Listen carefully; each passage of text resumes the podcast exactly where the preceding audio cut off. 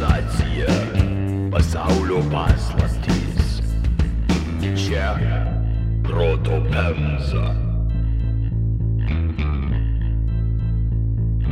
Čia prieš pertraukėlę sakyta buvo, tai iš viską panašaus. Absoliučiai viską, kas buvo. Apie ką mes kalbam šiandien? Wipeout.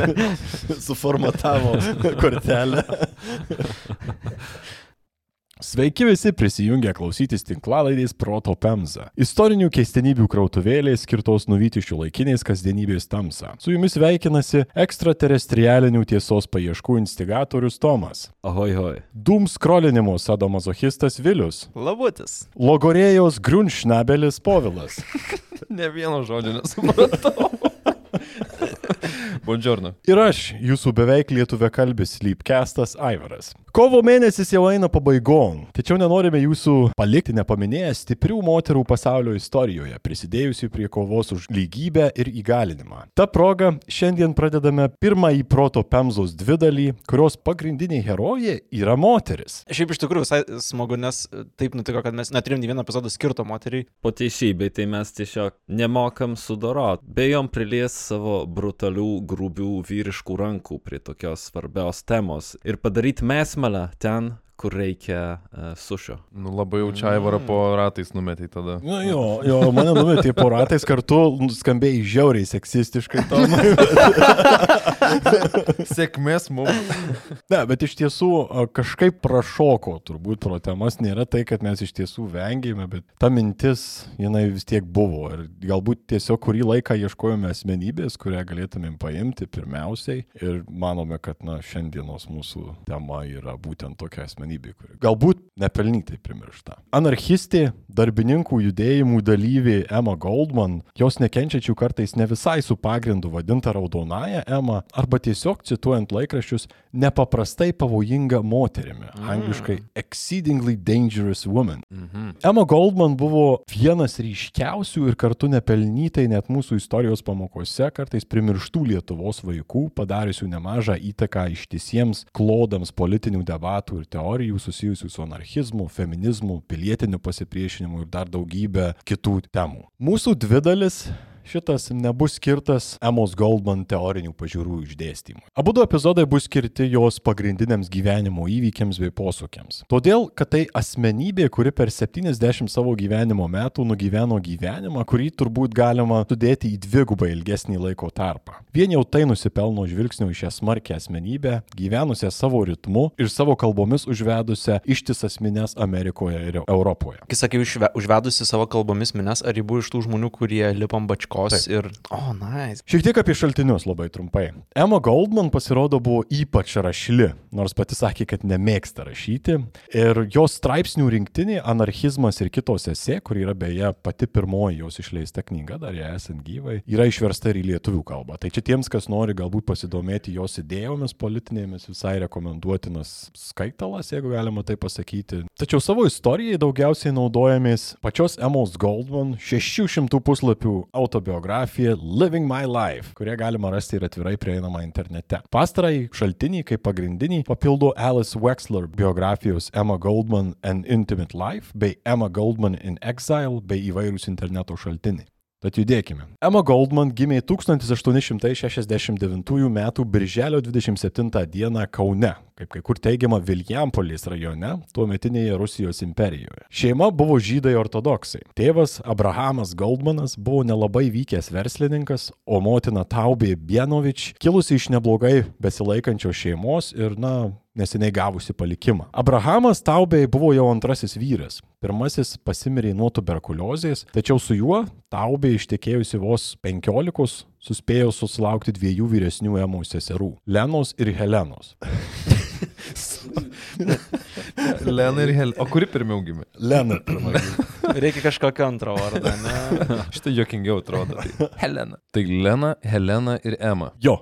Vėliau šeimoje atsirado ir už Emą jaunesni broliai Hermanas ir Moišė ir Luisas. Uh, Luisas mirė vos šešerių. Bet kokiu atveju seserys ir tėvas buvo be neryškiausios figūros Emos artimoje aplinkoje jai augant. Šeima bendrai netrodė, kad buvo labai laiminga. Gyvenimas namuose buvo slegiantis, o motina Ema prisimena kaip galbūt ir ne kažkokią itin žiaurę, tačiau ypatingai šaltą ir frigidišką. Tėvas buvo itin konservatyvus tuo tarpu, norėjęs ištekinti Emą gana anksti, Kiek anksti norėjai ištekinti? Čia tai senoviniais 12. 15 metų. 15 metų. Tai aštuntokė, kuri nori mokytis, ištekinti norėjo. O kaip įdomu atrodė Kaunas 19 amžiaus pabaigoje. Įdomus klausimas visai. Šiaip vienas iš Rusijos premjerų, carinės Rusijos obviously, buvo tuo metu gyveno Kaune, būtent irgi 19 amžiaus oh. jo pabaigoje. Kaip tokiam uh, įvardino kaip vakarietiškesnę uh, imperijos dalį, arčiau, sakykime, Europos. Nedidelis miestas, bet su savo ten Kultūros. Jo, jo, su, su teatru, žmonėm ir aktyviu gyvenimu, ne? Kiek tai manoma, aišku, mieste, kuriam tikriausiai buvo kiek? Tram tūkstančių, noriu sakyti, dvam, nu, ta prasme, tikrai nemelžiniškai. Bet kokiu atveju, matyti, Rusijos imperijos kontekste tai buvo gana kultūringas Jo, miestas. spėčiau. Emos tėvas Abrahamas vietoje Emos norėjo berniuko ir nuolatos jai tai priminė. Grasinimai ir plakimai diržu buvo kasdienybė, kartu gana dažnai Ema versdavo stovėti kampe ištisas valandas, tačiau jai be nelabiausiai įsiminė bausmė nešioti stiklinę pilną vandens pirmyn atgal. Jei išpildavo bent lašą, tėvas prilūpdavo. Čia tokia bausmė, kur tu padarai, kad tikrai pralaimėtų tą bausmę. Aš įsivaizduoju sklidinai pripiltą stiklinę ir... Čia jinai irgi šitą ir Kam? Kam? akcentuoja, kad ji būdavo sklidina. Kam šitą žaidimą, jeigu tu nori priluptą vaiką, tai kam jį kankinti ar papildomai, kad... Psichologinis teroras? Uh, Nu arba, ei, gal tiesiog labai tikėjo, kad tas vaikas, nu gal neišlaistys. Aš nenoriu mušti. bet reikia. Ne aš plakų verba plaka. Nu. O gal 19 amžiaus pabaigoje čia buvo kažkoks skilas, kurio labai reikėjo. Nešiot Vandenį gal. išlaistant? Tai gal jis, mo... aš bandau rasti pliusų tam tėvui, bet nelabai. Ema nors ir mylėjo tą savo tėvą, tuo pat metu jo savaime suprantama bijojo, tačiau jai tai netrukdė demonstruoti savo charakterio nuo pat mažumos, jinai buvo aikštingas vaikas. Lupti gavo daug. Tėvui kartu, na, toks vaizdas netiko niekas kartais, e, kas yra susijęs su Ema. Nu, jeigu norėjai berniuką ir gavai mergaitę, tai tikriausiai tikrai netiks bet kas, kas būtų. Taip, ir na, jam užkliuvo netgi šviesesnė nei šeimoje buvo įprasta Emos plaukų spalva. Tu esi mano gėda. Tu visada tokia būsi. Tu negali būti mano vaikas. Tu netrodai kaip aš ar kaip tavo motina. Tu nesielgi kaip mes. Man įdomus tas aspektas, kad jeigu užaugi tokioje šeimoje, kur tavęs, tarkim, tavo tėvas nenori, arba kaip Taivarai minėjai, kad muša nuo pat mažumės ir vaikas vis tiek renkasi nepaklūsti, ne? tai tu esi nuo pat mažumės susitaikęs su potencialia bausme ir tikriausiai, jeigu tampi jau tokia maištinga siela, ilgainiui tai kažkokiu būdu padeda, ne? nes Aha. tu žinai, kad tau skaudės, bet tu padarysi taip, kaip tu Tu nori. turi savo uh, matymą ir Mhm. mm. jo neatsisakysi mm. Mhm. kažką. Jo, čia tokia nuo pat mažų dienų prasideda mokykla formuojanti asmenybę. sakant. Bet irgi išplečia tas galimybės, tai kad ir jokio autoriteto tu. Nei tėvų, nei mamai, aš suprantu, nebuvo. Neįtin Ema sutarė su savo vyriausia seserimi Lena. Ana žinojo, kad Emos tėvas yra antrasis uh, Emos motinos sutuoktinis ir tai sukėlė priešiškumą kažkokį joje. Vienintelė sesuo Helena tapo asmeniu atstojusiu tėvų nerodytą meilę ir tapusi ramščiu Emai didelę jos gyvenimo dalį. Tačiau namuose reikėjo kentėti baimės ir primestos gėdos jausmą nuolatos. Laikui bėgančios emocijos tik peraugo, na, sakyčiau, į savotišką neapykantą ir norą dingti kuo toliau nuo šeimos ir namų. Vaikystėje Ema leisdavo nemažai laiko ne tik pas savo giminaičius Kaune. Kaip teigia ji pati, didesnė dalis jos giminės gyveno vadinamajame Popolano štetle, kuris radosi tuo metinės Kauno gubernijos Šiaulių apskrities teritorijų. Uh. Šiandien toje vietoje randasi mums jau turbūt kiek geriau žinomas Papilės miestelis. Papilė šiandien turbūt labiau žinoma kaip Simono Daukanto amžinojo atilsio vieta, tačiau reikia pažymėti, kad joje radosi ne vienas žymus litvakas, tarp kurių papuola papilėje savo šaknis randantis e, garsaus airių revoliucionieriaus ir politiko Roberto Briskau tėvas, bei taip pat, pavyzdžiui, žinomas New Yorko rabinas Aronas Davidas Burakas. Emos Goldman tėvas papilėje turėjo smuklę, dėl ko ten kurį laiką netgi ir gyveno. Emai papilė buvo svarbi taip pat formuojant save kaip asmenybę. Jis sakosi būtent ten, būdama vos šešerių metų patyrusi ir pirmuosius savo erotinius pojūčius. Juos sukėlė Emos tėvų arklidėse dirbęs piemuo Petruška, su kuriuo įleisdavo daug laiko pievose ir klausydavosi, kaip jis groja fleitą. Dėms, Tautinis pau, čika, Jo, pau, pau. toks pusnagis įdegęs ir raumeningas. Ir žinai. šešiametė mergaitė. Ir M6. A, jo. Ne, M6 metai, taip. Čia labai mažai, čia net ne, nepauglys. Taip. Petruška buvo daug vyresnis, tačiau, na, Emos netvirkino, bet tai nesutrukdė jam tapti tokio tipinio vaikiško Emos įsimylėjimo objektu. Mhm. A, tiesa, bendravimas truko neilgai. Petruška irgi pasirodo buvo su charakteriu, greitai susipyko su Emos tėvu, tad buvo atleistas. Nepaisant to, Ema jį dar kelias savaitės po to nuolatos sapnavo, o vieną naktį buvo pribudinta mamos, kuri palinkusi virš e, lovos stipriai suėmusi laikė dešinę Emos ranką ir piktai iškošė pro dantis. Jei aš dar kas nors tai prasit tavo ranką, aš tave prilupsiu iš puikias vaikę. Tai vad santykis su motina irgi iš dalies atsiskleidžia. Tai iki šiol turim priespaudą namuose ir visokių naujų jausmų atradimas yra dusinamas ir baudžiama už tai. Neatsakinėjimai į klausimus. Realiai, tai jinai pa, realiai pati turi viską išsiaiškinti. Iš esmės jo. Kadangi Ema nebuvo labai lengvai pasiduodanti nurodinėjimams, jos fantazavimai apie vyrus ir vaikinus tęsėsi ir toliau, šitos patirtys tapo reikšmingomis jos pačios pažiūroms vėliau, nes seksualiniai laisvė jos gyvenime tampa viena pagrindinių temų ir tikslų. Dar iškalbingiau yra tai, kad būtent papilėje Ema anksti susidūrė ir su tam tikrais socialiniais realybės aspektais susijusiais su tuometiniais cariniais Rusijos priespauda. Emoje tai suformavo ir empatiją prispaustoms socialinėms klasėms. Empatija, kuri tapo jos varomąją jėgą visam gyvenimui. Vieną dieną aš aptikau pusnugį žmogų plakamą botagu. Tai man sukėlė isteriją. Ir baisus vaizdai mane persekiojo ištisas dienas. Kraujuojantis kūnas, veriantis kliksmai, iškreipti žandarų veidai, botago mazgai švilpintys ore ir nusileidžiantys su šaižiu šnipštimu ant pusnogio vyro. Galima turbūt suprasti, kodėl priespaudos problemos Ema įsirėžė taip stipriai jau nuo pat mažumės. Prie augančio suvokimo, kad ne viskas pasaulyje yra gerai, prisidėjo ir jos vėlesnė patirtis. 1878 metais, būdama 8-9, Ema savo šeimos buvo išgabenta iš papilės į karaliaučių mokytis privačioje mokykloje. Ten ji gyveno pas dėdę, jo šeimą ir senelę ankštuose gana namuose. Po kurio laiko išvykus seneliai į kitą miestą, nu, nes reikėjo parsimanyti pinigų šeimai, dėdė likęs su ją jau ir taip nemalonus ir smurtingas tipas atšaukė Emą iš mokyklos. Vietoje mokslų jis ėmėsi ją engti bei vertė dirbti namuose vietoje mokslų - valyti juos, gaminti maistą, siūti. Tarnaitės, ta prasme. O, pasirodo, na, bent jau jos gyvenime pasitaikė vyrai būtent taip traktavę Mhm. moteris. To- spėčiau, kad pakankamai dažnas motyvas, tai Mhm. buvo labiau taisyklė negu išimtis iš taisyklių. Emai dienos pas dėdę asocijavosi su totaliniu nuovargiu. Vieną kartą dėl to nuovargio ji nesutiko nunešti kažkokio dėdės siuntinio labai toli į kitą miesto galą. Už tai ji buvo pastarojo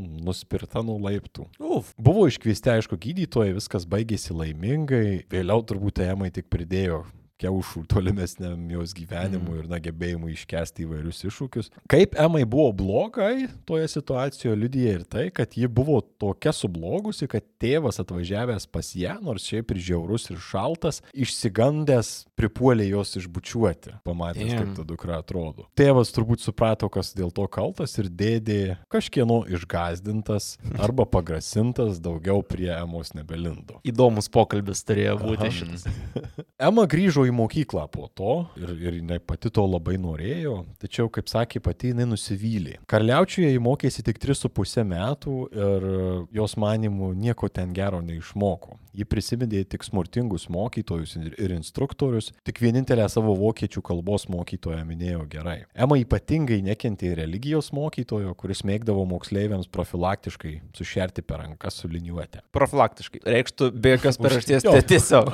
Už nieką. Bet kaip visi kelkraščiai labai yra lygūs šitoje situacijoje, labai ryškiai tą kelią kloja, link kur jinai eina. Jau dabar gali netgi atspėti, kas, kuo jinai Nu, užšaukia. arba tampa a, namų šeimininkė visiškai prispausta, Mm, arba jinai tampa to, ko ji tapo. Bet ramiai tupėti prie nemėgstamo mokytojo nebuvo Emos charakterių irgi.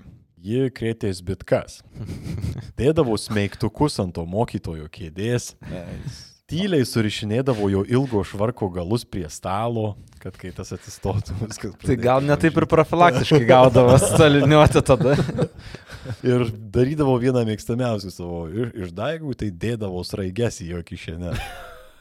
Už tai Bet, ko, Estija. ne, bet, ei, bet kokie uh, gražūs tradiciniai. Ne?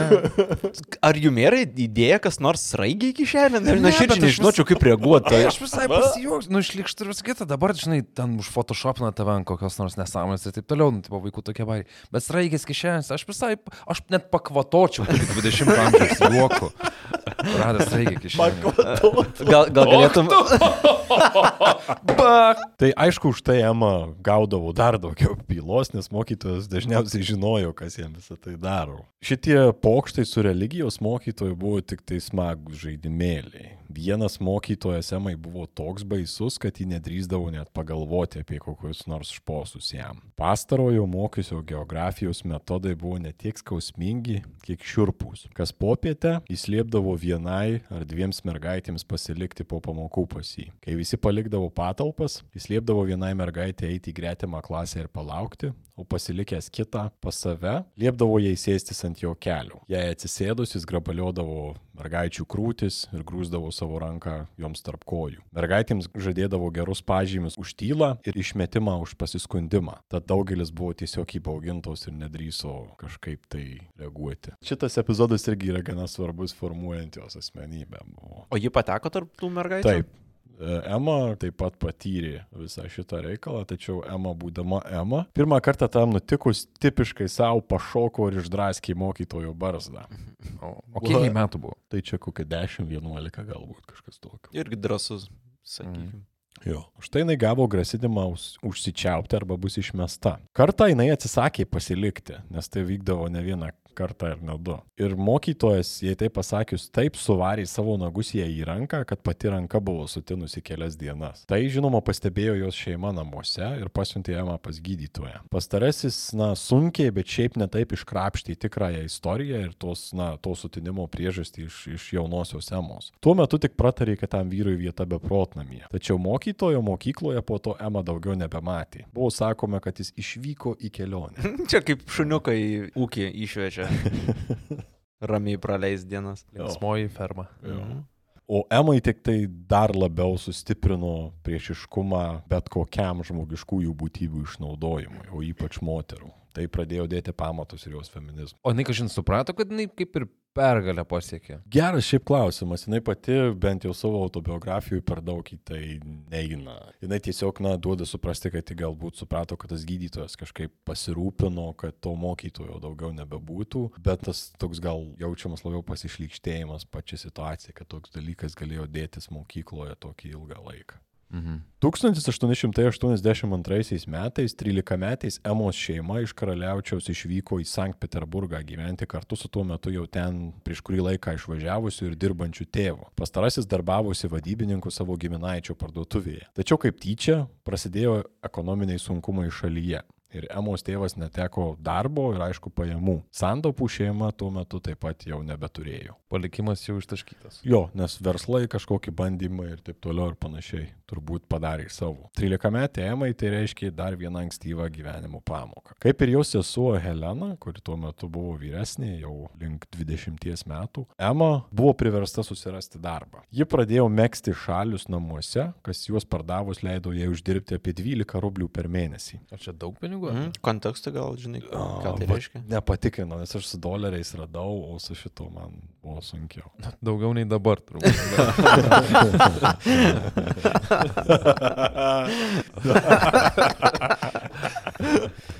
Turbūt daugiau.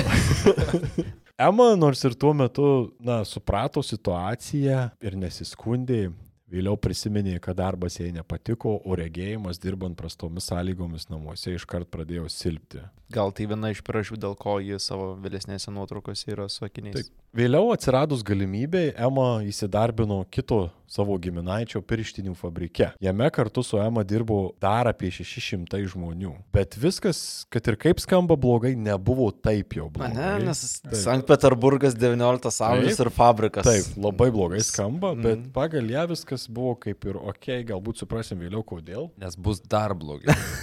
O, Aš leisiu jums įvertinti. Gerai. Bet Sankt Peterburgė jinai sakė, kad, nu, buvo visai ok. Nors atlygis nebuvo didelis, darbe niekas per daug nevaikė ir neengė, buvo skiriamas normalus laikas pavalgyti pietums ir net du kartus per dieną buvo ir arbatos per traukėlis. O kai skamba geriau negu Amazon sandėlį, Jo, iš tikrųjų. jo. Tai... Bet šiaip įsivaizduokit, paauglė, jeigu jai tokios paprastos sąlygos, kurias mes, kurias mes dabar visi turim ir dar šimtą tūkstančių kartų geresnės. Kiek blogai turėjo būti ir kaip šiaip gaila biški to vaiko savo jau nebe vaikiškam seniai pasauliui, mm, kuriam tiek nedaug užtenka. Mhm. Man leidžia atsigerti arbatos du kartus per dieną, tai yra visai gerai. Bet aišku, 19 amžiaus kontekste fabrike tai čia yra kaip dirbti užsienio, užsienio kapitalo įmoniai mhm. Vilniui šiuo metu tikriausiai. Man davė gertuvę. Jo, ir, ir ten įminė, kad net šnekėtis galėdavo žmonės, kas jie. Vėlgi, vis dar geriau negu Amazon taip. sandėlį. Tai... Taip. Nu, čia aišku, humaniška gana aplinka tam laikui, bet, nu, jau irgi vis tiek Emai nebuvo tai, kad jinai buvo super laiminga. Mhm. Tai, kad būdama 13 metų turi dirbti pilną darbo dieną. A, jinai, na, norėjo, nu, kažko daugiau iš gyvenimo. Ir gyvenimas namie Emos taip pat kažkaip netenkino. Tėvas norėjo ją labai anksti ištegdinti, kaip ir minėjau anksčiau. Ema tam priešinosi, nes norėjo mokytis, keliauti ir daryti kitus jos manimų įdomesnius dalykus. Ir to pasiekoje tėvas darėsi dar bjauresnis su savo spaudimu. Čia, čia vien tokias situacijas brežė, kad jeigu aš jas matyčiau filme ar seriale, tai jos būtų perpieštos, jos būtų tokios, nu, ar tikrai jie taip visi visur, kiekvienam žingsnį engė ir mušė ir metė jai po kojom kulbes. Pasako labai daug apie mūsų e, visuomenę irgi, kad mums čia atrodo kažkas tokio nežmoniško, o ten buvo trečiadienis eilinis. Jo, Taip, taip. Jo. Kai tau Nu, 13 nu, metų, tu prasme. taip. Tėvas bando prakišti tave pirmam pasitaikysiu. Nu, ir tai buvo, na, manau, daugelis žinom, kad tai buvo gana reali situacija tuo metu. Ir... Emos tėvas norėjo, kad jinai gimtų berniuku. Jeigu Ema ir būtų gimus tuo berniuku, kaip tėvas ir norėjo, kiek šansų, kad jinai, tiksliau, taip gimsta seriniai žudikai. Šalta mama, smurtaujantis tėvas. Jo. Labai gali būti. Arba būtų tiesiog išsiųstas į kažkokią mokyklą mokytis ir toje mokykloje būtų kažkuo tapęs tapus. Tada išgirsta apie galimybę pabėgti, spėkit kur? Junktinės Amerikos valstijas. Tikrai taip, į Ameriką, kuri tampa pagrindiniu. USA. USA. Gerai, dabar turim kelias problemas, kad tai kainuoja. Atsimenam iš Varapetskaitės, kad Taip, tada iš Klemenskio epizodo prisimenam, kad labai lengva išdurti žmonės, kad juos nuveža į Ameriką, o jie tik iki Anglijos arba... Vladivostokas. Jo perkelia per upę. Va, Novai York. Tas šansas gana greitai atsirado. Visų pirma, todėl, kad vyriausioji sesuo Lena buvo ten jau išsiųsta būdama dar 11, 1873 metais. Vienuolikas? Taip. Ir viena. Šito neradau. Gal su kažkokiais giminaičiais, gal jau ten buvo kažkokių giminaičių, bet jinai buvo jau išsiųsta. Man taip patinka, kaip požiūris į vaikus senovėje buvo toks kur kas paprastesnis. Turi kelis vaikus, vieną vienuolikas išsinti į Ameriką pas gimines, kažkur. Ne. Čia yra ir įdomus tas turbūt socialinis aspektas. Man atrodo, kažkada man teko skaityti apie tai, kad pats vaikystės statusas ar vaikystės Mhm. samprata tuo metu jinai kažkuria prasme neegzistavo. Mhm. Naujas Taip, kaip konstruktas yra šiandien. Jo, kad, na, vaikai ir žmonės buvo priversti elgtis ar dabar daryti suaugusių dalykus daug anksčiau, mm. nei mes esam pripratę. Tai buvo 11 metų, o, good enough, galėjai dirbti į anglies kasyklas mm. ir dirbti po pilną darbo dieną. Tavo, nu, Kas yra kokie Prasidėjo. 16 valandų. Taip, taip. Tai, na, pati samprata turbūt ir socialinė tuo metu buvo, kad, na, Jo, čia tiesa. 11 jau. Tu per dieną dirbi daugiau valandų negu tau metų. O, jo, eik tu, kaip Eina savo. Tikras, tikroji gyvenimo mokykla. O. Ir tada, dabar tai, kai uh, vaikams sako, nu jau visas vyras, tai tada tiesiog rimtai. Būdavo "Nu, iš- visas vyras, imkastą reikia dirbti. Tai kaip ir minėjau, vyriausioji sesuo Lena buvo ten išsiųsta jau 11 1873 metais. Kadangi ekonominė ir socialinė situacija gargaliuojančioje Rusijos imperijoje, hmm, ir tai girdėta, taip pat toli gražu negerėjo, Golbanų šeima pradėjo svarstyti apie antrosios sesers Helenos išsiuntimą. Planas buvo palaipsniui sukaupus pinigų ten persikelti visiems. Mhm. Tačiau Ema norėjo važiuoti su Helena iškart. Visų pirma, todėl, kad tai buvo vienintelis ją palaikantis ir su ją šaltai nesielgiantis šeimos narys. Pasilikti namuose jai reikštų ir emocinę, ir praktinę aklavietę. Ir daugiau darbo tiesiog. Jo, greičiausiai. Emai prisėjo, na, jinai bandė visai prisišnekinti, kad ir taip pat važiuotų, tėvas aišku nenorėjo, Nu, nes jam-. Jo, jis vis dar norėjo ištekinti ją, turbūt su kažkokiu kraičiu ar kažkas tokio, gauti kažką už tai. Emai prisėjo pagrasinti šokti į Nevos upę ir nusižudyti, O! jei nebus išleista. Nice. Toks klasikinis manevras visai. Aš nusižudysiu. Šitą argumentą tėvas pasirodo išgirdo. Davė jai 25 rublius ir liepė dingti iš akių. O, davė jai savo dviejų mėnesių algą. Mm. Vis tiek daugiau nei šiandien. Jo. Šviesmečiais. Ei, bet biški daugiau negu rytoj. Welcome to Russia. Emma Goldman 1885 metais, būdama 16 metų, su itin kukliu rublių kraičiu ir nemokėdama angliškai, kartu su Helena iškeliauja į svajonėmis ir legendomis apipintą Ameriką. Į naująjį pasaulį Emma su Helena keliavo per Hamburgą. Kadangi keliavo ne kaip karalienės, Ema netruko pamatyti visą emigracijos realybę. Laive visi buvo sugrūsti kaip gyvuliai, tačiau galimybių ir laisvės pažadas visiems keliaujantiems stimuliavo vaizduotę ir palengvino vargus. Blizgesys akyse dar labiau sustiprėja pamačius rytinę JAV pakrantę su visiems žinomu monumentu. Belieka išsilaipinti ir pradėti tikrai laisvą ir naują gyvenimą. Tačiau laisvės statulos vaizdus ir galimybių pažadus greitai pakeitė Castle Gardeno imigrantų skirstymo centras. Welcome to USA. Ema prisimena, kad net su žiburiu nebuvo įmanoma ten rasti draugiško veido, ypač tarp priimančių pareigūnų. Pagal visas amerikietiškas tradicijas, tarp jų įtin stipriai vyravo antagonistinė atmosfera, neretai lydima grasinimų ir lasdų smūgių. Ei, bet aš... Nieko naujo. ne- Nežinau. Nieko tuo nenustebino. O mes tikrai čia kažką. Bet Emai pirmoji diena ant Amerikos žemės tapo šiokiu tokiu šoku. Visas naivumas apie Ameriką kaip svajonių šalį buvo išmestas pro langą iš karto. Ema su Helena, ištrūkusios pagaliau iš imigracijos centro, galiausiai apsigyvena pas savo seserį Rochesteryje, New Yorko valstijoje, kur buvo įsikūrusi visai nemaža imigravusių ir angliškai nekalbančių žydų bei rytų europiečių bendruomenė. Ema mini ir lietuvius bei latvius, kurie tenais buvo traktuojami vietinių kaip gyvuliai, pigi darbo jėga, su kuria nėra ko skaitytis. Nu, vėlgi, niekas nepasikeitė. Atvykusi į Rochesterį, Ema daug bendrauja su žydais, e, pabėgusiais iš Rusijos, kurie norėjo susitikti su naujomis atvykėlėmis ir, na, sužinoti, kas vyksta uh, Rusijoje. Daug klausimų kilo, ką naujosios imigrantės veiks, ką dirbs. Per pirmus susitikimus kažkoks vyras Ema tiesiog atėjęs apgrabaliojo lyg vertindamas. What? O kokį darbą jinai ėjo? Ne, dar tuo metu buvo sprendžiama, ką veiks. Ai, tai Ir pirmą apčiupinėjo ir po to susitikimas namuose buvo atėję Mm. žmonių, kurie norėjo paklausinėti, va, supažindinti, Mm. nauji bendruomenės nariai. Ema tuo apčiupinėjimu piktinosi, tačiau nenorėjo pridaryti gėdos seseriai Lenai. Vėliau ji, būdama kitam kambarį, išgirdo tą ją apgrabaliojusį vyrą kalbantį. Aš galiu jai gauti darbą pas Garsoną ir Meierį. Algos bus mažos, bet jį greit suras vyruką, kuris ją ves. Tokia pilna mergina su savo raudonais kruostais ir melinomis akimis neturės ilgai dirbti. Bet kuris vyras stvers ją savo ir laikys šilkuose ir deimantuose. Ok. Subtilu. Krypy, biškai. Mhm. Bet Tai tos, tu ateini į namus, tave apgraibo ir tada nusprendžia, kad uh, greitai tu tave parduos ant vaikų gaminimo. tos pačios kultūrinės taisyklės, nuo kurių tu pabėgai per visą vandenyną. Fuck!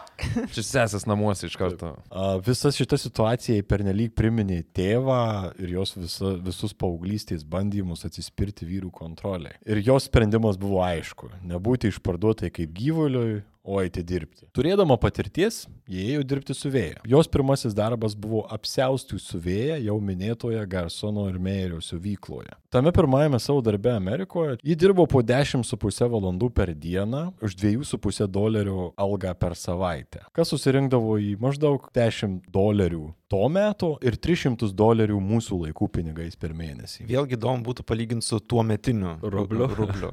Nes spėčiau, kad tie 10 dolerių vis tiek buvo gerokai daugiau negu 12 rublių per mėnesį. Bet aišku, iš, e, sąlygos, kaip išvardinti, yra visiškai Jeffrey Bezos, ta Aha. prasme, Aha. klasikė. Turi, turi ištakas visas šitas Amerikos istorijoje. Skyrėsi ir darbo sąlygos. Pietums buvo skirtas vos pusvalandis, Mhm. Nebuvo jokio laiko arbatoms, o be prižiūrėtojo leidimo ne tik tai, kad nebuvo galima kalbėtis, bet neleista net ir į tualetą nueiti. Mm, Jau panašiau į Amazon sandėlius, okei. Okay. Ir gertuvės negavo. Būtent dėl to ilgai šiame darbe Ema nepasiliko. Greitai perėjo į kitą, ar tai ne korsetų siuvyklą, man atrodo, kur uždirbo jau net 4 dolerius per savaitę. matai? Upgraidas. Taip. Ten susitiko ir patrauklų jauną vyrą vardu Jakobas Keršneris. Jakobas 1881-aisiais į Ameriką atvyko iš Odesos Ukrainoje. Patogu buvo tai, kad galėjau su juo bendrauti ir daugiausiai rusiškai. Keršneris laikui bėgant Emą pradėjo merginti, o Emai pačiai jisai gana pradėjo greitai atsibosti dėl savo skonio O. prastai literatūrai, kaip jis sakė, ir pomėgio kortuoti su draugais bei trainiotis atsibodusiuose šokių vakarėliuose. Tai vaikšto po barus, lošia Xbox, ne kažką ten skaito. Emai nepatiko gal labai jau tas vyras ir jo pomėgiai, bet ji, kaip pati sakė, tai buvo pirmoji žmogiška būtybė Amerikoje, jo susitikta, kur nebuvo besirūpinanti tik tai pinigų kalimu. 1887 metais jie buvo sutuokti pagal žydiškas tradicijas. Ema jau ir taip iš reikalo įėjusią į santoką galutinai nuvylė tai, kad kaip paaiškėjo pirmąją naktį, jos naujasis vyras buvo Su Stalino torpeda. Taip, būtent. Su Stalino torpeda. Tai va, ir šitas ją nuvylė, o prie viso to ji dar turėjo nustoti ir dirbti, nes tuo metu ištekėjusiai moteriai buvo nepriimta turėti darbą. Bet tai įsikraustėt su savo naujoju vyru turbūt. jo, jo. Jakobas uždirbo neblogai, po 15 dolerių per savaitę. Ha, damn, 15 dolerių, wow. 15 dolerių per savaitę atrodė iš tiesų nemaži pinigai. Tačiau buvo viena problema. Didelę dalį algos jisai išvaistydavo loždamas. O, Ir galiausiai, kas dar labiau užkniso Emą, tai kad jis jos baisiai pavyduliavo. Tiesiog neleido jai vos ne žengti žingsnio ar kalbėti su kažkuo, ar, na, užsimti kažkuo. dievą ant kokios veikiančios erekcijos užklius. Tai vėl nebuvo itin laiminga, turbūt tipiškai to meto moteriai, tačiau bandė įgyventi. Tačiau lūžio taškas atėjo 1887 m. lapkričio 11 d., kuomet nutiko vadinamieji juodojo penktadienio įvykiai. Apie juos rašėme savo šio epizodo anonse savo Facebook profilyje, kurį rekomenduojame jums sekti. Priminimui, tą dieną Čikagos Haymarketo aikštėje buvo pakarti keturi anarchistai, organizavę 1886 metais vykusius darbininkų streikus dėl darbo dienos sumažinimo iki 8 valandų. Radikalai. Aha. Tinginiai. Aha. Mhm. Streikas buvo žiauriai numalšintas, o organizatoriai nuteisti mirties bausme. Iš viso buvo nuteisti penki beje, vienas iš jų pasikorė pats. Šis įvykis, tai keturi pakorimai, itin sukrėtė Emą, ji negalėjo nustoti galvoti apie darbininkų gyvenimo realybės patį žiaurumą Mhm. ir tai, kokia išties bloga situacija yra pačioje Amerikoje. Joje kažkaip pradėjo kirbėti noras, nu, kažką daryti. Ir sukūrė online peticiją tikriausiai. Tada nu, nuvažiavo prie Wall Street'o ir sėdėjo palapinį metus laiko. Ne, ne, ne, ne. Smirdėjo palapinė metus laiko. Tai turbūt taip pažiūrėjo jos vyras į visą tai, nes jisai toli gražu nesidalino emocijų entuzijazmu ir susirūpinimu. O jie po šių įvykių pradėjo lankytis vietinėse socialistų grupelėse, kurios ją atitraukė nuo pilkos kasdienybės Rochesteryje ir nuolatinių kalbų apie verslą ir pinigus. Šitam tokiam susipriešinimui esant, Emma nusprendžia, kad reikia baigti tą santokos farsą ir galiausiai išsireikalauja vyro sutikimą tam. To kaina, aišku, buvo ta, kad visa Rochesterio žydų bendruomenė ją stigmatizavo, neleisdami net gatve praeiti be šūksnių ir keiksmų, o tėvai tuo metu jau taip pat atvykę į Ameriką neleido jai net grįžti namo. Šeim. Taip, jo. Šeim. Visiškai. Vieninteliai sesuo Helena ją palaikė ir net sukrapštė jai pinigų išvykti į New Yorką. 1889 metais per žolinės rūpiučio 15 dieną, būdama 20 metų, į traukinio atvyksta į New Yorką, turėdama tik 5 dolerius kišenėje ir siuvimo mašiną, turėjusią padėti jai prasigyventi. Mhm. Jie pirmiausiai nustebino, kaip nepakenčiamai karšta New York'e rūpjūtį ir koks miestas atrodo šaltas ir nedraugiškas. Atvyko tai kaip a, kokia blogerė, žinai, kur kompu arba rašymo mašinėlė ir 5 doleriais, kad kad, kad turėtų tą atskaitos tašką nuo čia iki kai jau bus labai garsi, kad aš pradėjau nuo nieko. Na gyvena su giminėmis tenais taip pat, kurių po kurio laiko neapsikenčia irgi. Ir pabėga pas vieną, na, jos pažįstamą draugą. Tas draugas sukinėjosi vietiniuose anarchistų ratuose. Jis su tuo draugu iškart pradeda lankytis Sakso kavinėje Safalko gatvėje, kuri buvo tuo metu visokių rytų pakrantės radikalų, socialistų, anarchistų ir jaunų žydų rašytojų ir poetų traukos centras. O gal galėtumėt kokiais dviem sakiniais apibūdinti anarchizmą?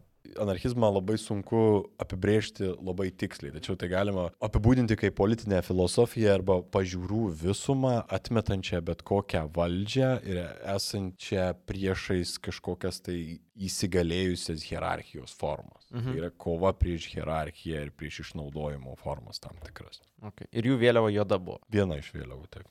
Šioje kavinėje jis susipažino ir su savo itin gyvenime svarbiu žmogumi, Aleksandru Bergmanu, taip pat Lietuvos vaiku su savo įdomia istorija, apie kurį pakalbėsime ateities komposte, nes čia neturime tam laiko. Tai tiesiog rekomenduojame jums užsiprenumeruoti narystę mūsų Contribui puslapyje. www.contribui.com/protopepza. Su Aleksandru Bergmanu Ema susibendravo praktiškai iškart. Pastarasis davė jai anarchizmo filosofijos praktinius pagrindus ir padeda jai įsitraukti į New Yorko anarchistų ratus. Tarp naujų pažinčių a, pas Emą atsiranda ir kitas, a, bent jau pradžioje svarbus žmogus, vardu Johanas Mostas, kuris buvo garsus anarchistas, leidėjas ir oratorius išpopuliarinęs vadinamąją veiksmo propagandos koncepciją, tapusią gana svarbiu pačios Emos Goldman gyvenimo veiklos aspektu. Gali pakartot patį terminą propagandos? A, Veiksmo Veiksmo propaganda. propaganda, okay. Iš esmės, labai suprimityvintai galime pasakyti, tai yra leading by example. Mhm. Darymas kažko pavyzdžių. Tai yra... Ne lyfletus dalint, o... O, pavyzdžiui, nušauti kokį nors valstybės vadovą. Čia Šiek- būtų... Šiek tiek Taip, čia- eskaluotas ta. Čia būtų propaganda darbo. Tu Okay. darai kažką vardan kažkokio idealo, tikėdamasis pritraukti kitus. Tai pavyzdžiui, nušauni ar ne vadovą arba kažkokį institucijos atstovą ir tu įplieski revoliuciją. Mhm. Kažkas tokio. Ir a, susipažinusi su Johanu Mostu, Ema pradėjo dirbti tuo metinėme svarbiame anarchistinėme Mosto laikraštyje pavadinimu Freiheit. Mostu jį įtin žavėjusi kaip geru oratoriumi ir žavingu pašnekovu. Tačiau svarbiausia turbūt yra tai, jog su prieš tai mano minėtu Bergmanu ji pradėjo visą gyvenimą trukusį, tačiau niekada oficialiai nesutvirtintą romaną. Aleksandras Bergmanas tapo ne tik jos kambarioku, savotišku mokytoju ir įkvėpėju, tačiau ir ištikimu meilužiu, kuriam tebūnė ir nieko konkretaus neprisiekusi, Ema prijautė visą savo gyvenimą. Ryšių nenutraukė net ir a, reguliariai susiklostę meilės trikampiai, kuomet Ema susilaukdavo kitų gerbėjų dėmesio. D dėl to Ema per daug nesikankino, tvirtai tikėjo, kad galima mylėti daugiau nei vieną vyrą tuo pačiu metu. Anarchizmas politikoje, anarchizmas lovoje. Mhm. Bergmanas irgi suprato, būdamas sąžiningas anarchistas, jis suprato ir, ir, ir nevaržė pačios emos matymo pasaulio, kad gali būti daugiau nei vienas vyras, nes pats, kaip sako, pats pirmiausiai išpažino meilę anarchizmo tikslams, o ne kažkam kitam. O dėl emos jisai tiesiog jai visada kartodavo, kad jis tiki jos laisvę mylėti. Tam, kad jisai irgi gautų laisvę mylėti. Jo. A, tit for that. Jo, jo. Literal.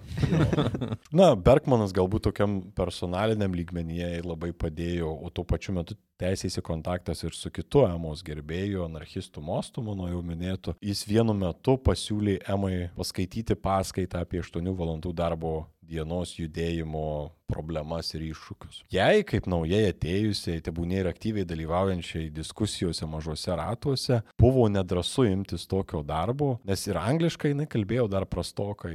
Tačiau galiausiai įtikinta iš visų pusių, Ema pradėjo ruoštis, o visi jos draugai ir kambariokai pastumėjo ją palikti savo darbą, na, ten susivėjai, suvėjų visokiais reikalais ir perėmė jos būtinės atsakomybės tam, kad ji galėtų atsidėti skaitimui ir paskaitos ruošimui. Golban čia jau po truputėlį pradėjo įeidinėti į anarchizmo judėjimą kaip ir mąstytoja. Mhm. Po pirmosios savo kalbos jis suprato žodžio ir kalbos galę valdyti mases, kas pakeitė jos požiūrį į savo pačios tikslą pasaulyje. Net ir kalbėdama labai laužytą anglų kalbą, jis sugebėjo privesti mines iki plojimų ir skanduočių. Pagauta tos pirminės sėkmės, Ema visą galvą pasinėrė į tolimesnį kalbų sakymą ir darbininkų organizavimą streikams. Jos dėka pradėjo gausėti ir streikuojančių moterų gretos, iki tol buvusios gana menkomis. Tuo pačiu metu ji vis labiau tolo nuo to, ką ji pati vadino idealistiniu anarchizmu. Tai yra tokiu pompastišku ir veidmainišku teorinių idealų postulavimu ir tariamų laikymusi su perdėto sketizmu ir pramogų vengimu. Na, Nes čia buvo toks kaip ir anarchistų revoliucionieriaus ženklas, kad jisai numeta visas šitas tuštybės į šoną ir jis pa pašvenčia save idealams. Mhm. Emai vakarėliai ir linksmybės patiko, a, tikrai patiko ir jų tikrai jinai nesišalino. Pasak jos, jeigu anarchizmas iš ties yra orientuotas į laisvę, tai nereikėtų anarchizmo paversti vienuolynu. Mm, Ir jinai savo pavyzdžių norėjo mokyti kitus. Propaganda veiksmu. Taip. 1892 m. gegužę jis sužino apie Andrew Carnegie plieno kompaniją, kurioje su darbininkais elgtasi ypač griežtai. Įmonės ir darbininkų sąjungos sutartis tuo metu baiginėjosi ir darbininkai pateikė naują pasiūlymą, laukdami aukštesnių atlyginimų dėl tuo metu buvusio plieno prekybos bumo. Carnegie įgaliotasis kompanijos vadovas Henry Clay Frickas pasakė, kad nebus jokių dėrybų ir kad jis apskritai nepripažins profsąjungos bei kolektyvinių dėrybų. Visi galės darbintis individualiai. Tokia mm. tipinė amerikietiška klasika. Prasidėjo aišku streikai. Keli streikuotojai buvo nušauti kompanijos pasamdytų Pinkertono apsaugos įmonės agentų, vaidinusių didelį vaidmenį streikų malšinimuose Amerikoje apskritai tuo metu. Mhm. Čia tokie samdyti Jo, jo, banditai. Jo, sam, samdyta apsaugos firma mhm. arba detektyvai. Pamačiusi šitas naujienas, Ema persėjėmė visų reikalų. Ji pradėjo diskutuoti su Bergmanu, ką čia galima padaryti. Bergmanas sugalvojo. Ir Ema pradėjo rinkti lėšas, padėdama Bergmanui sukonstruoti bombą. Mm, mm. Pastarasis buvo pasiryžęs nužudyti Friką kaip visos priespaudos simbolį, nes jis buvo ypač bjaurus veikėjas, kaip Čia suprantu. Trumpas klausimas, kiek Bergmanui metų yra jie vienmečiai su Ema? Ar Jis metais jaunesnis. metais jaunesnis netgi? Bet kaip įdomu, kad truputį yra tokios nusikalstamos, nors ne, gal anarchistiškos romantikos. O, kad, visiškai. Kartu padarysim bombą, tam prasme. taip, bet How visai. hot is that, ne? Nu, prašos filmo irgi. Jo. Aišku, tai susidūrė su realybė. Vėliau bombos gavosi tokios, kad tu net piršto nesu, negalėjai nusisprogdinti. Gerai, kad net virkščiai, kur nemokai Jo. daryti ir nusisprogdini viską. Bet kokiu atveju nerado ir nusprendė investuoti lėšas į ginklo įsigijimą.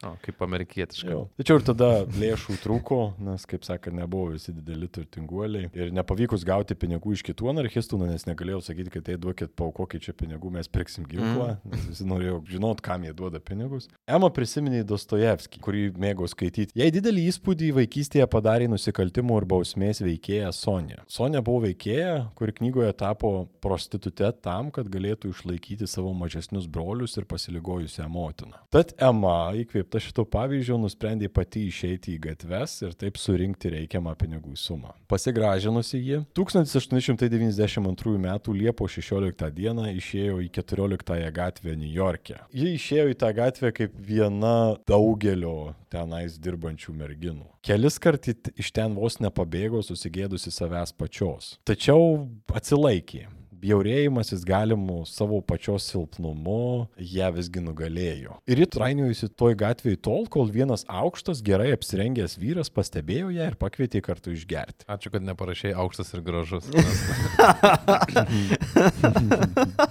Nepataugaus pokalbio bare metu vyras atspėjo, kad ji yra visiškai nepatyrusi savo kūno pardavinėjime. Ema, aišku, norėjo kalbėti apie savo priežastis ir idealus, tačiau klientui tai nebuvo įdomu. Jis padavė jai 10 dolerių kupiūrą ir tarė. Tu, žinok, nesi tam sutverta ir tuo viskas pasakyta. Paimk šitą ir eik namo.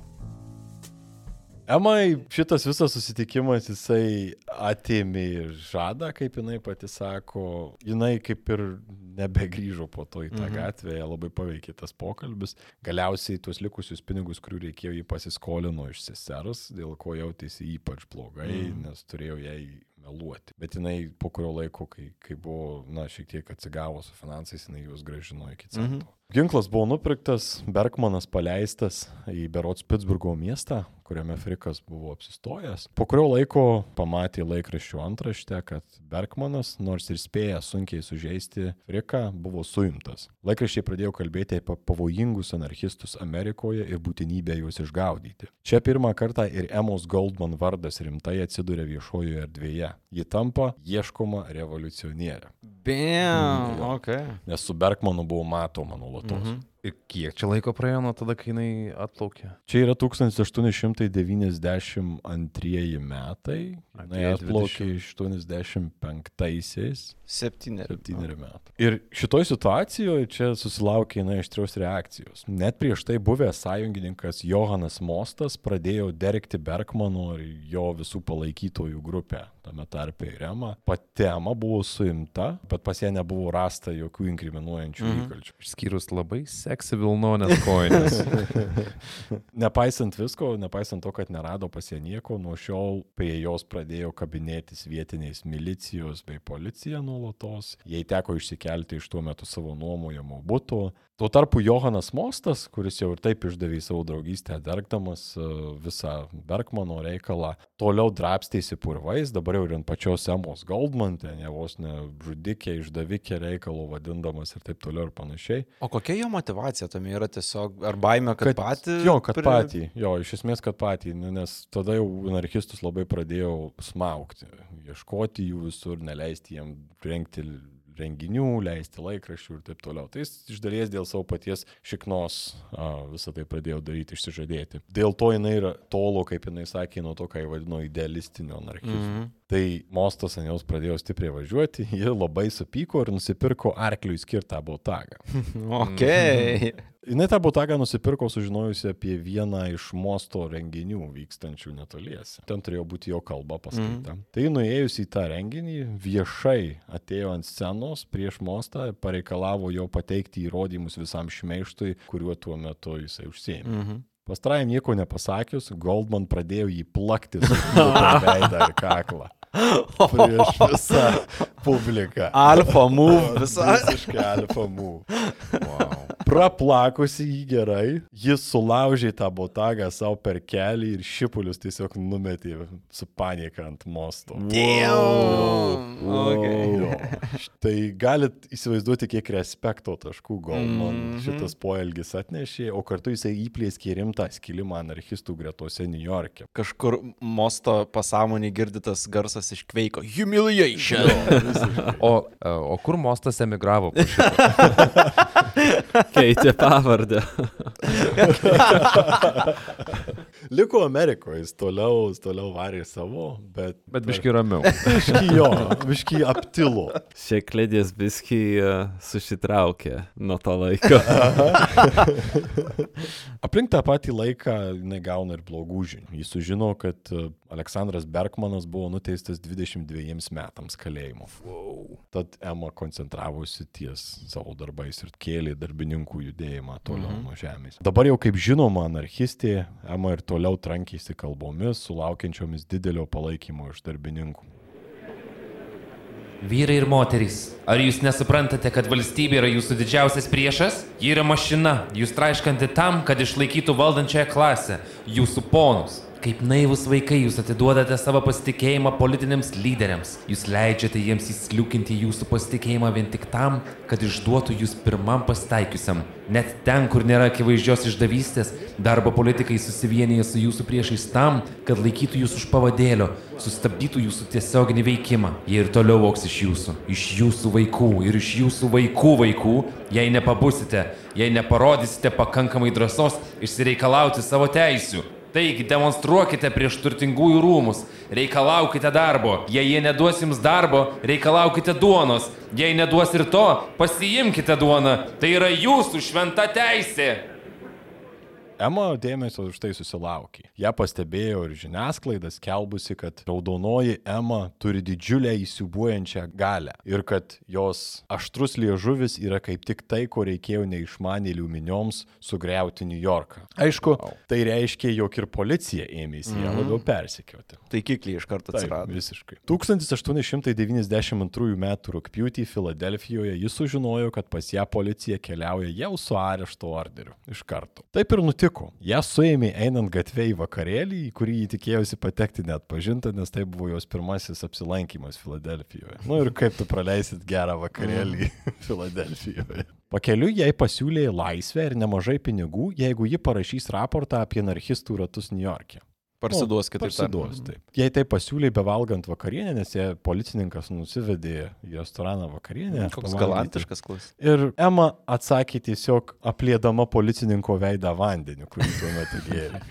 Taip, irgi iš, iš filmo scena visiškai, ne? Rugsėjo 28 dieną buvo numatytas teismas. Ema jame buvo kaltinama trimis riaušių sukėlimų atvejais. Jos draugams sumokėjus užstatą iš kalėjimo iki teismo ji buvo paleista. Bet jau kai veikia visa sistema, kad jinai taip jau išgarsėjo, jau turi vaidmenį ir užstatą moka ir informacijos gavo, kad atvažiuoja pas ją Mhm. policija, jau visas tinklas aplink ją. Yra bendruomenė, Taip. jo, kuri palaiko. tai. Pakankamai neblogai išvystyti. Rado šitą save, ne? Jo, Jau yra jo, šitą. jo. Po kurio laiko prasidėjus teismui, salėje buvo pilna Emos draugų ir įvairių žurnalistų. Nors Goldman netipiškai to meto anarchistams savo gynybą patikėjo advokatui, tas advokatas jisai padarė labai neblogą darbą, atmuždamas du iš trijų kaltinimų, tačiau to nebuvo gana. Ema teismas pripažino kalta labai didelė dalimi ir dėl žiniasklaidos sukelto negatyvaus šaršalo ir konspiracijos teorijų jos atžvilgių. Ema buvo nuteista vieneriems metams laisvės ateimimo Blackwello salos kalėjime. Skamba kaip lokacija iš Batmano.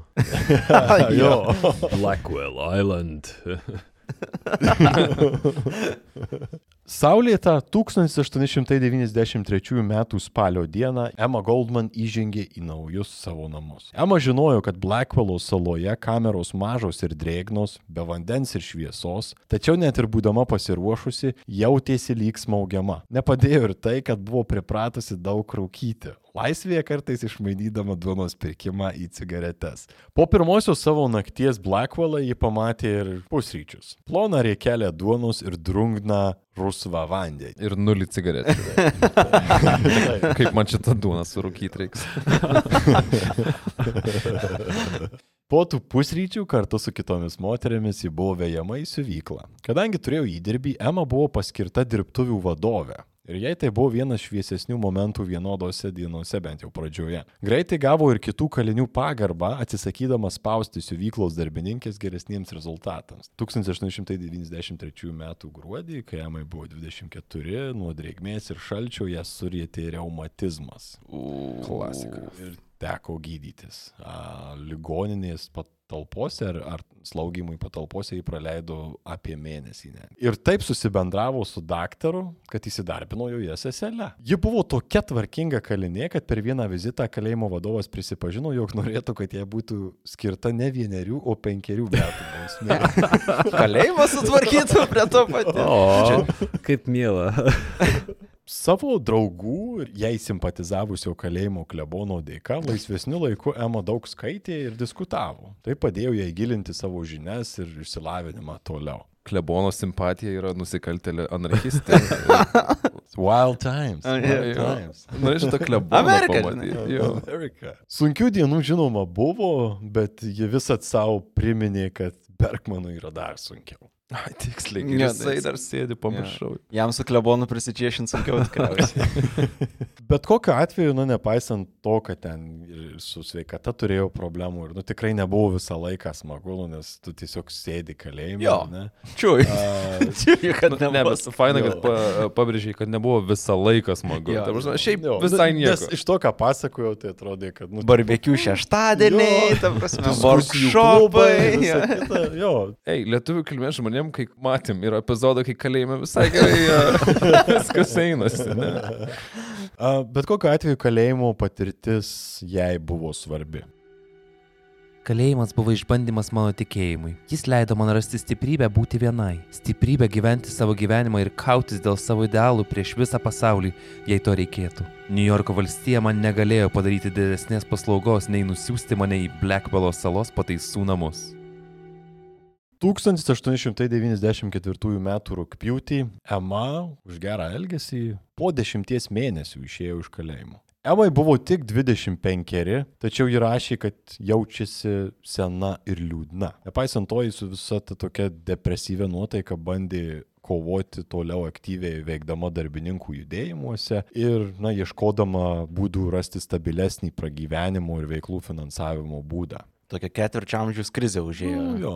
Kai tu jau 25 esi dirbęs fabrikuose, Atsėdėjęs. atsėdėjęs Jo, jau jo. daug visko įvyko. 1895 metais rūpjūtį ji išplaukė į Angliją. Anglijoje, toje pačioje ir Škotijoje planavo atlikti paskaitų turą, nes ten pakvietė kontaktai, o po to traukti į Vieną, kurioje tikėjusi su vieno draugo pagalba patekti į slaugos mokyklą, kas būtų pagerinę jos galimybės įsidarbinti Junktinėse Amerikos valstijose. Anglijoje Emma pirmą kartą pajuto visų pirma, ką reiškia išties didžiulės minios, kurių policija atėjus nedaužo kaip Amerikoje, kai vyksta koks nors renginys. Get out of here! Visiškas. Antra, jis sužinojo, kas yra heklinimas, nes anglai labai mėgdavo Bet jinai užsitarnavo pagarbą labai greitai, nes pati turėjo aštrų liežuvį, mokėjo atsikirtinėti ir būdavo labai dažnai pasigirsta, a, šitą tai turi kiaušus, tai leisti tai kalbėti. Čia toks stand-up vaibai.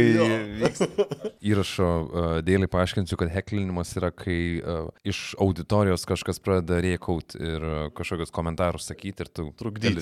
Trukdyti, Jo. jo, tu gali reaguoti, nereaguoti, bet... Londone susitiko ir su pagrindiniais Europos anarchistais tuo metu. Pavyzdžiui, sindikalistų Eriko Malatesta, juodosios anarchizmo vėliavos motina ir svarbia Paryžiaus komunos dalyvė Louis Michel, o taip pat reikšmingo anarcho komunizmo teoretiku ir šiaip superpoliglotų Piotru Kropotkinu. Jis suprato, kad anarchizmas yra reikšmingas judėjimas keliantis galvos skausmą ir Europos vadovams. Nuvykusi į Vieną, ten taip pat netruko įsisukti į vietinius socialinius ir anarchistų ratus, kad nors juos ten labai stipriai bandė išgausdyti. Tuo pačiu lankėsi Zigmunto Freudo paskaitose, kur susidomėjo ir seksualumo bei seksualiniais laisvės klausimais. Vienoje pabaigė tą mokyklą, gavo sertifikatą kaip pribuvėja ir kaip slaugė. Ir grįžusi į New Yorką, jinai vėl skaitė paskaitas ir prisidūrė pinigų, dirbdama būtent tą pribuvėja. Čia į pirmą kartą atkreipė dėmesį į skurdžiai gyvenančių neiščių moterų situaciją. Ypač ją sukreitė jų baimė susilaukti kūdikio ir, na, būdai to išvengti. Pavyzdžiui, šokinėjant nuo stalų ant pilvo, voliojimasis ant grindų, pilvo minkimas visai, vimdančių tinktūrų gėrimas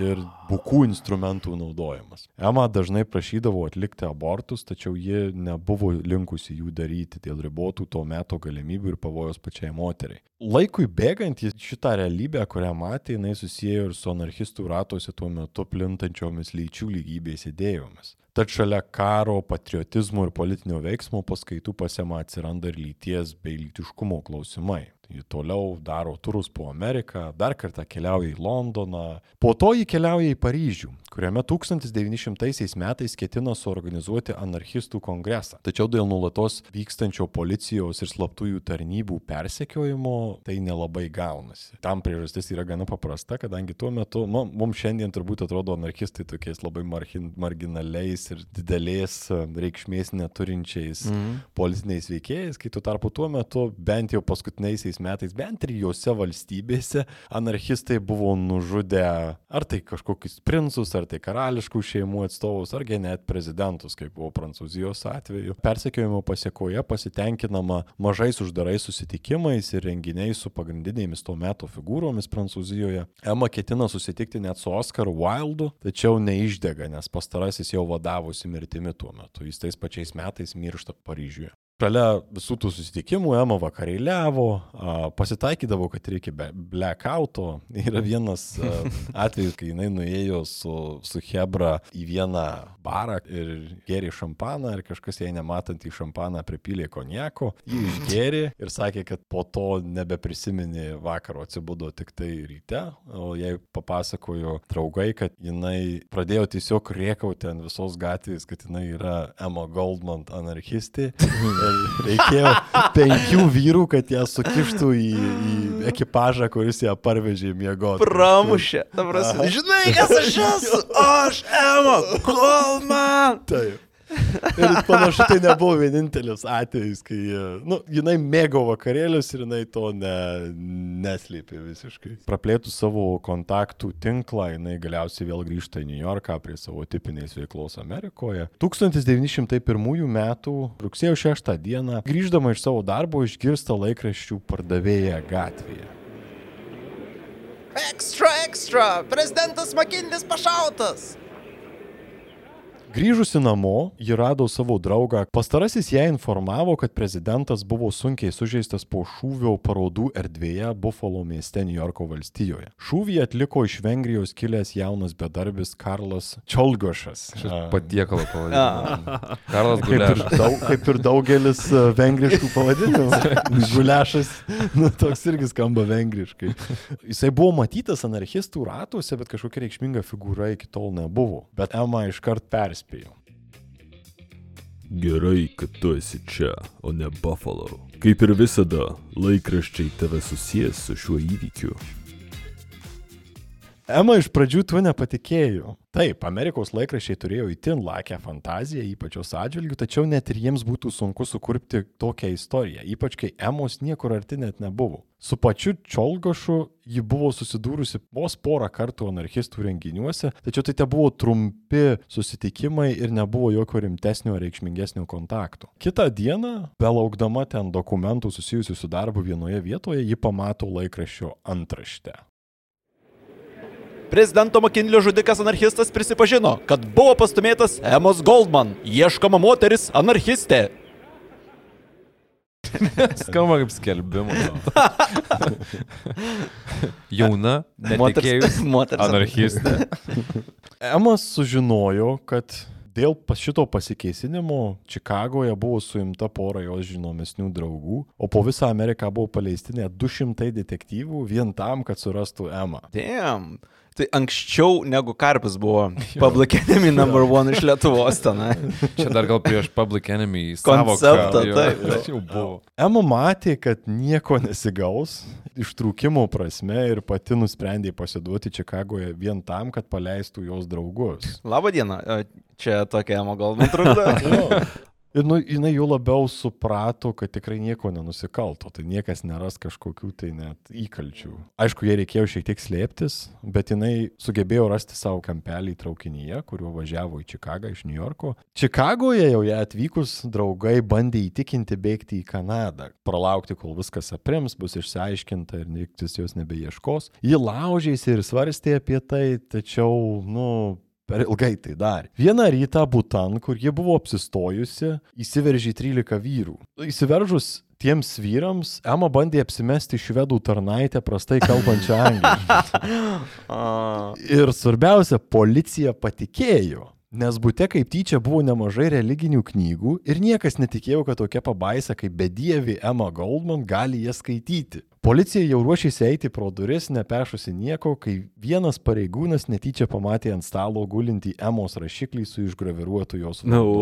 Tai o. buvo seniai gauta dovana iš vieno jos gero draugo. Netoks ir geras nuo tada turbūt. Policija tada nusprendė palikti kelis vyrus būte pasaloje, iki kol Ema grįš atgal į būtą. Tai slėpės už lovos. Aš nežinau. Čilino ant lovos, ta prasme. Tiesiog stovėjo prie durų ir laukė, Tiharino. Nu, šitoje vietoje Ema suprato, kad neišsisuks, nu, kad kažkuriuo momentu vis tiek viskas išeis į dienos šviesą ir prisipažino, kad ji ir yra legendinė Emma Goldman. Apstulbę pareigūnai ją suėmė. Nuovadoje Emos jai pačiai netikėtai niekas nekankino, nors ji to ir tikėjosi, tačiau jis suskaičiavo bent 50 detektyvų praeinančių pro ją, mojuojančių kumščiais prieš ją ir gra- grasinančių baisiausių likimu.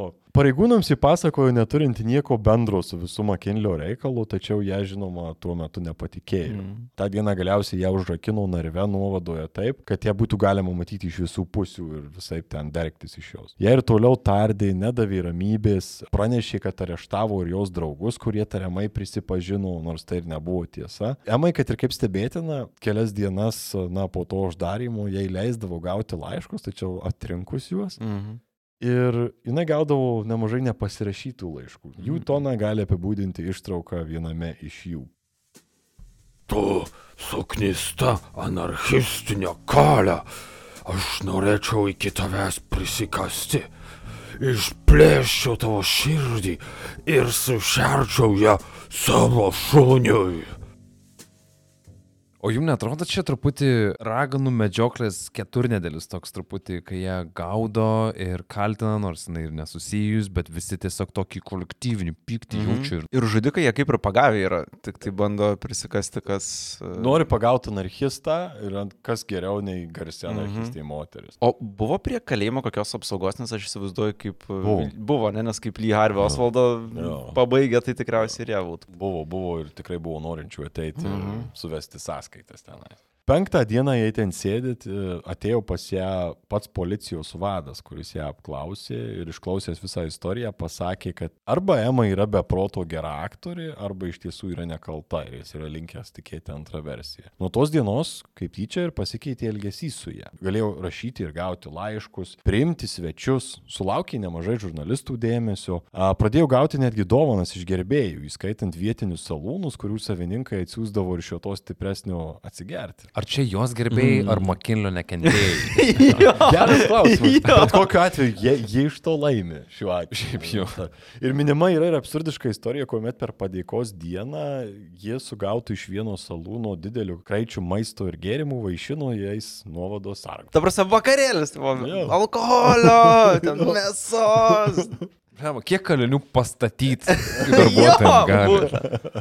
Aišku, bendresnėme kontekste sniego gniužtė jau buvo užsisukusi, Amerika buvo chaose, prasidėjo neapykantos anarchizmui banga. Bet tema buvo tvirta. Ji nors ir prašoma net savo draugų nepasmerkė prezidento Makinlio žudiko ir tuo pat metu teigė, kad jeigu reikėtų, slaugytų pašautą prezidentą, tuo metu vis dar tebesivaduojantį mirtimi. Žudiką jį palaikė dėl pastarojo motyvų, nes jisai sakė, jis padaręs viską dėl žmonių. Bet šiuo metu, kai jau jisai buvo sužeistas ir, ir jam buvo sunku, jinai, jinai prezidentas sakė, kad jį matė jį tiesiog kaip žmogų, kuriam negalima atsakyti pagalbos, mm. jeigu, tarkim, to reikėtų. Vieną vakarą ją nustebino, kuomet e, ją aplankė keli detektyvai ir reporteriai. Emai buvo pranešta, kad prezidentas galiausiai mirė. Jos paklausė, kaip ji dėl to jaučiasi, ar nesigaili, kad čia taip nutiko viskas. Ema ir čia buvo savimi.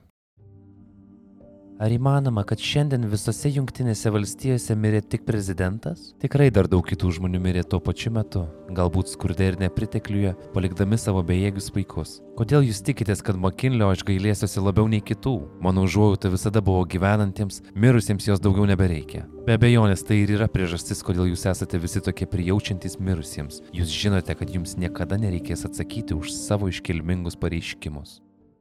Damn. Mm. Aš. Ir visą šitą jau angliškai puikiai sakė. Nu, aš nežinau, ar puikiai. Aš manau, Ar kad ji, įmanoma, kad šiandien... aš manau, kad ji turėjo akcentą visada, na, bet, bet jau buvo to oratorystės tam tikri dalykai, mm. jau buvo pažengę į priekį. Jeigu čia yra tiksli citata, tai su- atsakyti tai yra, na, nu, tikrai gražiai sudėliota. Ta prasme, neparodo, kad yra ne antžmogis kažkoks, nekritikuoja prezidentą ir nukreipia visiškai temą taip, kaip jai reikia, Taip. apie tai, Aha. apie ką jinai nori, kad būtų. Taip. Tai. Ir aišku, kaip ir jums, taip žurnalistams tokie dalykai buvo kaip bitėms medus tiesiog. Nors Ema vis tiek buvo išvadinta išprotėjusi vieno žurnalisto. Teismui atėjus Buffalo miesto prokurorai tiesiog nėrėsi iš kailio, norėdami kažkaip tai nuteisti baisę anarchizmo šventikę Emma Goldman, tačiau net po ištisų valandų diskusijų kalties nebuvo rasta. Emma buvo išteisinta. Mm. Tikrai buvo Amerikoje problemų tuo metu, bet man kažko žavu, kad yra vis tiek teisinė sistema. Procesas. procesas, jo, kuris gali žmogų, prieš kurį yra jau nuostata, išteisinti vis tiek. Nėra įrodymų. Vadinasi, nekaltas, ta prasme, cool. Medijose šita žinia, nepaisant nepaisant ažiotažo, kuomet Goldman buvo suimta ir ieškoma, čia jau susilaukė vos kelių eilučių. Niekam neįdomu.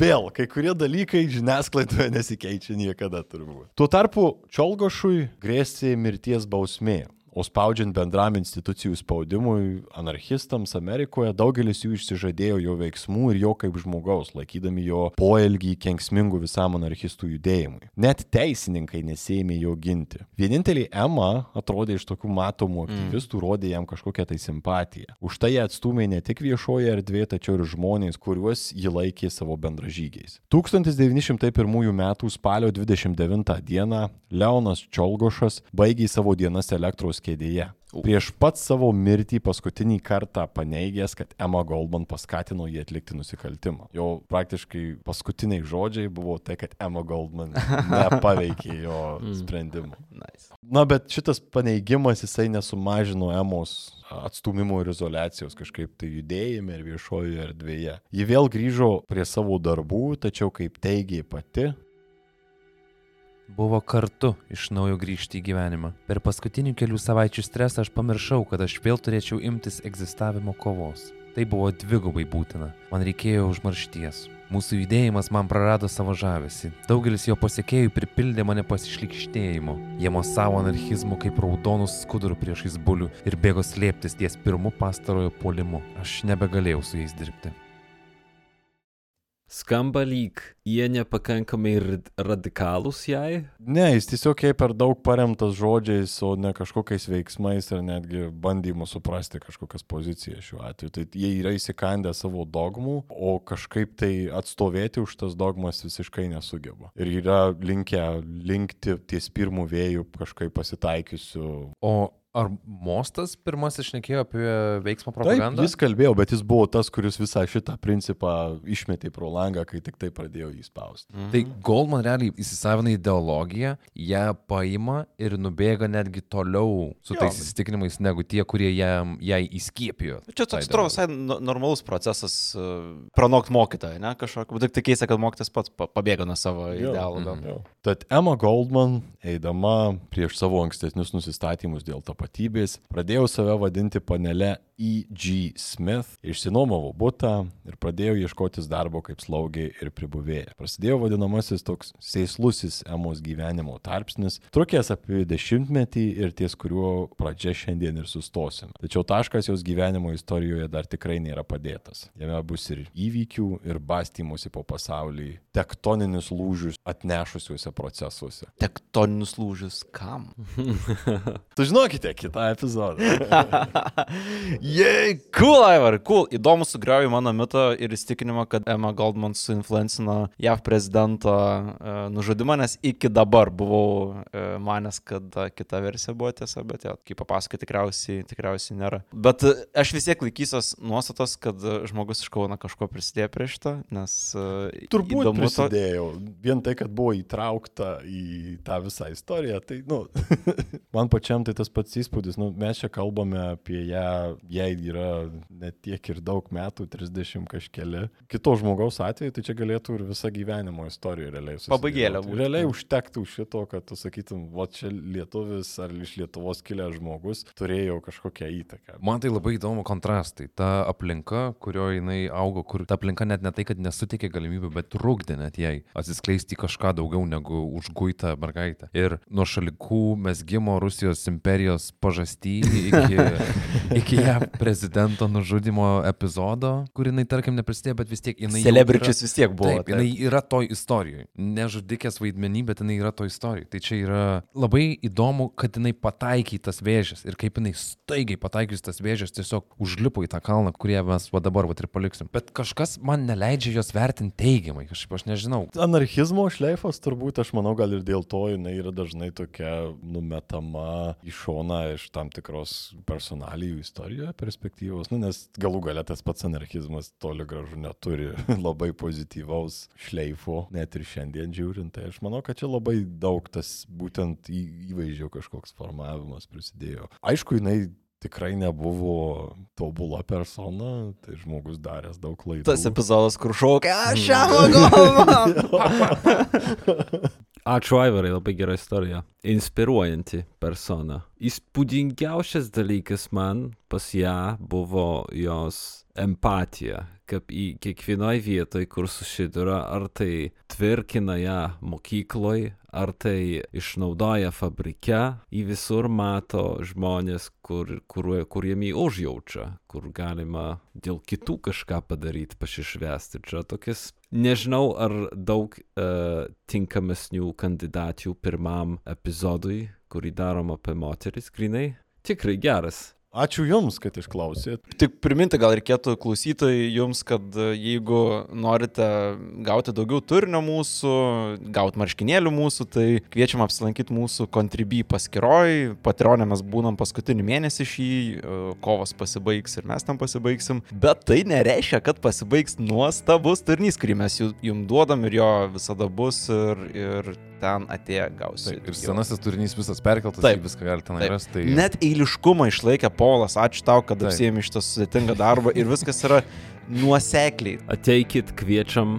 Aš dar tik priminsiu, kad galima apsilankyti visą laiką pas Tomą e, paskiroj, pasi, pasiskaityti, ką aš nekalbėjau. Jo, ateikit e, šiek tiek e, pažaginti savo emocijas ir nervus ir pasinervuokim kartu. Labai vis tiek lengviau, linksmiau kažkaip. Tai iki kitų kartų. Ačiū. Iki kito epizodo. Bye bye. Ačiū. Susitiksim už dviejų savaičių balandžio mėnesį. Iki. Iki. Pabaigai, kaip visada, žodis mūsų šelpiantiems prieteliams. Visiems savo rėmėjams priminame, kad po kovo mėnesio nebeegzistuosime Patreon platformoje. Jei jūs vis dar domina mūsų turinys ir jo bonusai, rekomenduojame persikelti į Contribui platformą adresu contribui.com/protopemza, kuriame nuo šiol rasite visą mūsų turinį. Susitiksime ten. O iki tol didžiausios padėkos mūsų didiesiems rėmėjams ir iš Contribui, ir iš Patreon platformos. Sakome didelį riebų ačiū. Agnei S, Agnietei, Ainui, Aistei V, Akviliai, Aleksandrui N, Alvitai, Anastasijai, Andriui, Antemeridijam, Arminui V, Artūrui L, Artūrei, Arvydui, Astai, Audriui Nor, Aurimui B, Auritai, Austėjai S, Besaikevičiūtei, Brigitai S, Dainiui M, Daliai, Dan, Dariui K, Domantui T, Domui U, Donatui T, Doviliai V, Emon Zaemon, Editai, Edvinui J, Eirimei, Ernestai, Eugenijui, Evaldui V, Evelinai I, Evelinai M, Evelinai V, Gabijai D, Gabrieliai, Gabrieliai C, Gabrieliai Š, Gabrieliui S, Gediminui S, Gerdai V, Gergerdai, Giedriui N, Gintariai G, Greg V, Gretai, Gretai A, Gretai V, Greitai R, Gretkai, Indrei G, Ingridai, Ingridai P, Jolitai, Jovitai K, Jovitai M, Juliui A, Jūratei, Jurgitai Z, Justinai Č, Justinai S, Justinui, Justinui K, Karolinai Š, Karoliui P, Kerniui, Kūgiui Mūgiui, Kunigundai Č, Laurai, Linai J, Linciai, Mantvydui B, Marijui Z, Mariui V, Mariui Z, Martinui, Martynui, Medeinai M, Migliai, Migliai P, Mikui, Mildai, Mindaugui, Mindaugui J, Mindaugui R, Mindaugui V, Mirandai Z, Monikai B, Nerijui, Ninskaitei, Pijui G, Radvilai, Rasai D, Rasai S, Rimantui L, Rokui, Rokui M, Rolandui P, Rūtai, Rūtai P, Simonui U, Sandrai M, Šarūnui S, Sauliui S, Semui G, Simui, Simui B, Simonui, Stepan Pri, tavo tėvui, Theindrei, Tomai, Ugniai A, Urtei, Vaidui Bu, Video Punk, Viktorijai, Vitalijai, Voltaire Punk, Austėjai Žibu Dibu, Džiugesėliui, Matui, Erikai B, Povilui M, Sandrai K, Egliai B, Inai, Davidui N, Tomui S, Dariui G, Giedriui M, Gretai Ra, Audriui Nor, Mindaugui R, Edvardui G, Andreliui, Arūnui S, Vytautui J, Alvitai R, Dariui K, Arnoldui B, Žydrūnui G, Gaudentui B, Godai S, Egliai Č, Medai, Jorindai K, Mikalojui G, Povilui V, Simonui N, Ritai G, Mykolui G, Medai Kotrinai K, Gretai Ro, Viliai, Brigitai S, Edvinui D, Remigijui K, Gretai V, Gabrieliai Š, Grigučiui V, Vytautui V, Rūtai B, Charlie from Verdansk, Žilvinui A, Vaidui M, Emantui Z, Irenai, Daivai Alex, Mariui K, Gyčiui Sem, Andriui K, Lukui T, Laurinui S, Domantui, Aidui D, Justinui K, Dariui, Gintui D, Martynui V, Sauliui D, Rolandui P, Žygimantui A, Šarūniai K, Gražvydui P, Edvinui J, Dovydui, Aistei Mili, Robertui P, Mariui E, Tomui P, Romkasui, Virginijai, Povilui, Henrikui Henkai, Davidui G, Linai J, Gintai A, Silvijai, Edgarui M,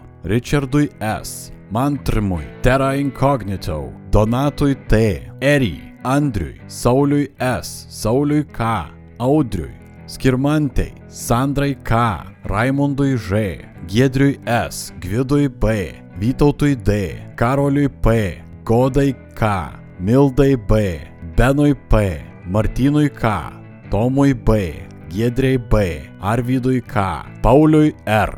Ačiū Jums, kad ir toliau palaikote šį avantūrą prasidėjusį judėjimą. Iki kitų susitikimų.